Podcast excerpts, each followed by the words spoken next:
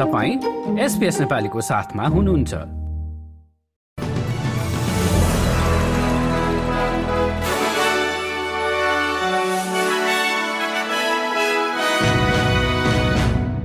नमस्कार आज बिहिबार तीस नोभेम्बर दुई हजार तेइस। अब पालो भएको छ एसपीएस नेपालीमा आजका प्रमुख अस्ट्रेलियन समाचारहरू सुन्ने।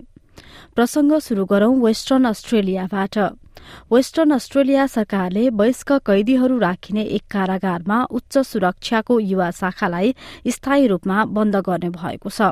उक्त जेलमा एक आदिवासी युवाले हालै मात्र आत्महत्या गरेका थिए।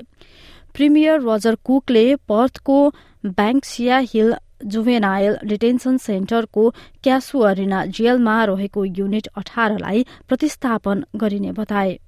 यता अस्ट्रेलियन सरकारले चिकित्सा विज्ञान नवीकरणीय प्रविधि र रक्षा जस्ता प्रमुख क्षेत्रमा स्थानीय उत्पादनलाई बढ़ावा दिने उद्देश्यले पन्ध्र अर्ब डलरको राष्ट्रिय पुनर्निर्माण कोष स्थापना गरेको छ। चीनले केही महत्वपूर्ण खनिज लगायतका आपूर्ति पहुँचमा प्रतिबन्ध लगाउने क्रममा छँदा स्थानीय व्यवसाय र मुख्यतया अस्ट्रेलियामा आधारित कम्पनीहरूमा ध्यान केन्द्रित गरिने बताइएको छ। अस्ट्रेलियाका रक्षा मन्त्री रिचर्ड मार्सले देशको व्यापार सम्बन्धी विधेयक defence trade controls amendment bill दुई हजार तेइसलाई संसदमा पेश गरेका छन्। अकसका अन्य सदस्य देशहरूसँग व्यापारको सहकार्यलाई बढ़ावा दिने भनिएको यस विधेयक अस्ट्रेलियाको सुरक्षा नीतिमा महत्वपूर्ण रहने उनको भनाइ छ। अब अन्तर्राष्ट्रिय समाचारमा इजरायलसँगको युद्ध विरामको अन्तिम दिनमा हमासले थप सोह्रजना बन्धकहरूलाई रिहा गरेको छ। यसमा इजरायली थाई नागरिक र केही दोहोरो नागरिकता भएका व्यक्तिहरू छन्। खेलकुदमा ओलम्पिक्सलाई जोड्दै सन् दुई हजार तीसको शीतकालीन ओलम्पिक्सको लागि फ्रान्सलाई सम्भावित आयोजकमा सूचीकृत गरिएको छ भने साल्ट लेक सिटीलाई सन् दुई हजार चौतिसका लागि छनौट गरिएको छ।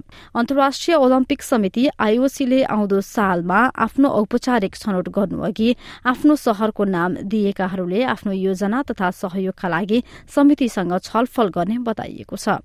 हस्त एसपीएस नेपालीबाट आजको प्रमुख समाचार यति नै। सुरक्षित रहनुहोस्। नमस्ते।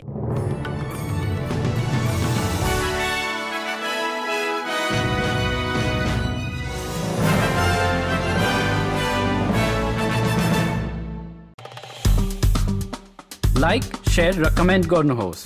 एसपिएस नेपालीलाई फेसबुकमा साथ दिनुहोस्।